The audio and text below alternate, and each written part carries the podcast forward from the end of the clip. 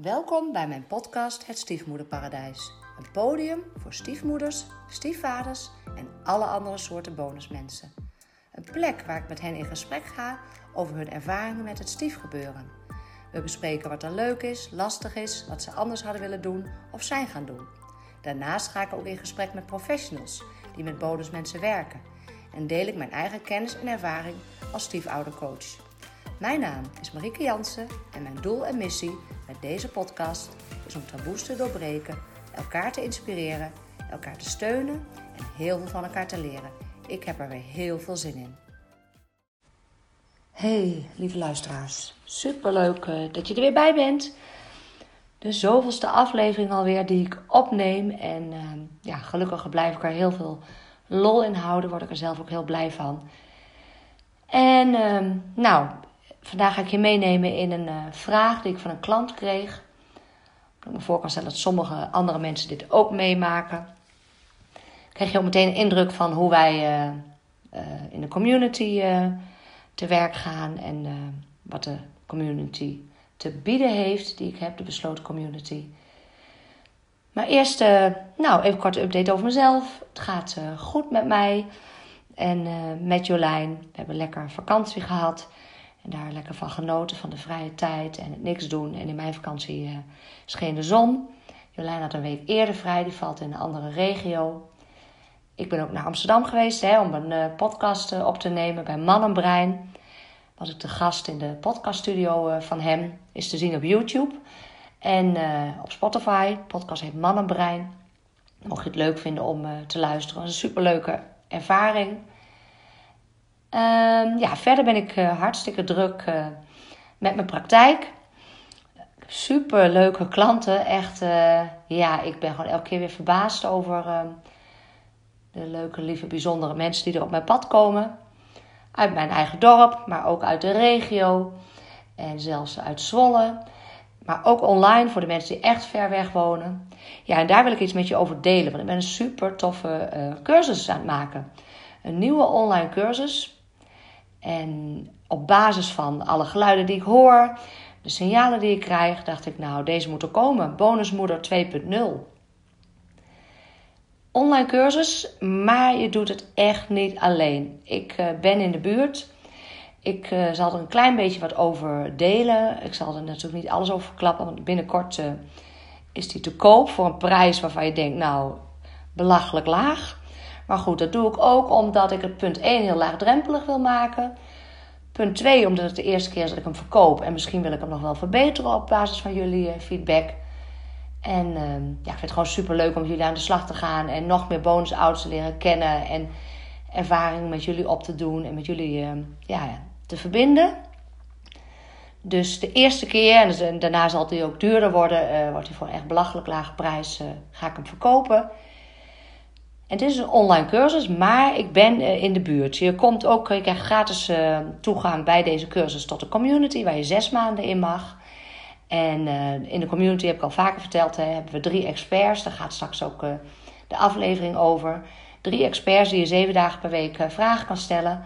Experts op het gebied van opvoeden en opgroeien. Experts op het gebied van mentale gezondheid, dus ook diagnoses, GGZ en recht, mediation. Dus experts. Maar ik ben natuurlijk ook in de community en ik doe elke maand een QA. En af en toe deel ik wat anders. We kunnen uitwisselen met elkaar. In de QA ga ik live via Zoom. Kan je me vragen stellen? Wil ik uh, je verder helpen? Je mag me ook altijd een DM sturen.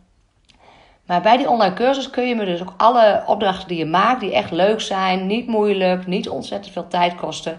De opdrachten kan je bij mij inleveren via de mail en dan geef ik je ook feedback, help ik je verder. Ja, en deze um, online cursus, Bonusmoeder 2.0, gaat bijdragen aan dat jij je eh, meer thuis gaat voelen in je samengestelde gezin.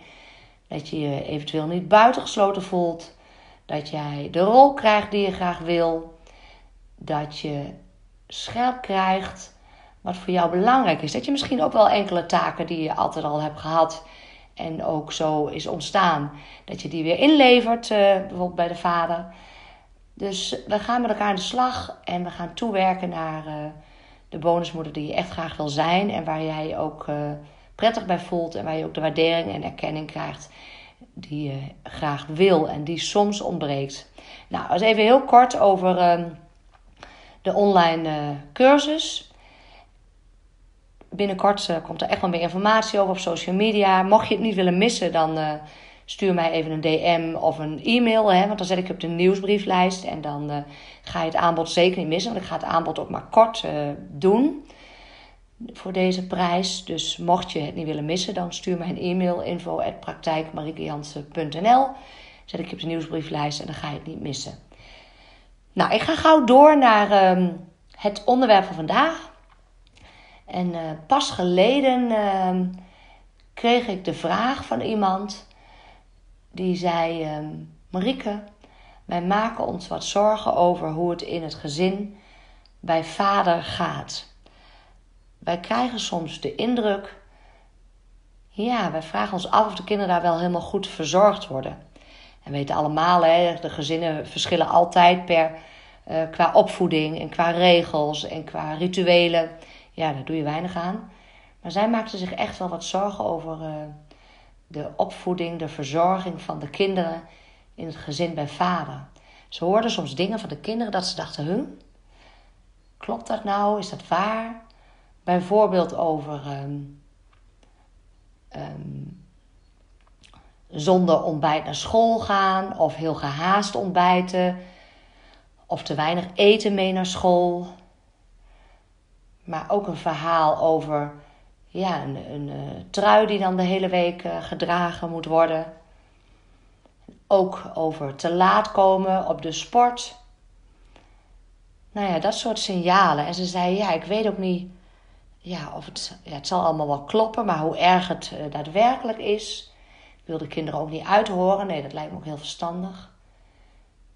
Maar ze zaten er wel mee in hun maag van, ja, wat gebeurt daar bij vader? En moeten we ons zorgen over maken? Of is het allemaal niet zo dramatisch? Ja, en hoe pakken we dit nu aan zonder vader voor de borst te stoten? Hè? Dat je niet in een conflict belandt of dat hij zich beledigd voelt. Um, dus nou ja, mooie vraag, terechte vraag. Kreeg ik van een uh, klant van mij. En um, nou, eigenlijk uh, had ik voor mezelf een antwoord en een idee. Maar ja, ik heb niet voor niks mijn experts. Dus een van de experts werkt ook nog veel met kinderen op scholen. Begeleidt kinderen en gezinnen. Dus ik heb haar ook toch maar even de casus voorgelegd. En trouwens ook aan de andere expert. Want ik denk, nou benader ze allebei. Zij heeft heel lang in de kinder- en jeugdpsychiatrie gewerkt. En nou, eigenlijk kwamen ze drieën wel tot dezelfde conclusie. Wat je natuurlijk zou kunnen doen, is um, op school eens vragen hoe zij vinden dat het gaat met de kinderen. En dan hoef je nog niet eens per se helemaal in eerste instantie je zorg te delen, want daar moet je ook altijd mee oppassen. Hè? Want je wil echt geen probleem met vader en geen gedoe. Maar je kan wel eens natuurlijk vragen van Goh, hoe, gaat het, hoe vinden jullie dat het gaat met de kinderen? Uh, hoe ervaren jullie de kinderen? Zien jullie een verschil als ze bij ons zijn geweest of als ze bij vader zijn geweest? Vallen er dingen op in het gedrag of in hoe ze doen, in wat ze zeggen, in hoe ze eruit zien? Um, je kan prima bij de juf in eerste instantie bijvoorbeeld, of meester, eens vragen: hoe vinden jullie dat gaat? Kijk, als als kinderen inderdaad heel veel in dezelfde kleren lopen, of in vieze kleren, of uh, te weinig eten mee krijgen, of niet gegeten hebben, of onverzorgd zijn, dan of school signaleert dat wel, of de kinderen zeggen er wat over. Dus dat is altijd een eerste stap die je goed kan zetten. En dus niet met, oh, dit en dat en vader, zus en zo. Want dan ja, kan je ook een verkeerde sfeer creëren op school en dergelijke. Maar dit kan je natuurlijk prima doen als eerste stap. Want we zeggen ook altijd in begeleiding aan gezinnen en begeleiding aan uh, individuen: één signaal is geen signaal. Hè? Dus je moet heel voorzichtig zijn en uh, ja, voorzichtig zijn in het verzamelen van signalen. Dus op deze manier kan je school, ziet de kinderen heel veel, wel um, wat met je signaal doen. Nou, bij deze, uh, dit onderwerp. En uh, mocht je er vragen over hebben of ideeën over hebben, ja, vind ik altijd super leuk om te horen. Dus mail mij, app mij, Stuur mij een DM op Instagram, Facebook, op LinkedIn.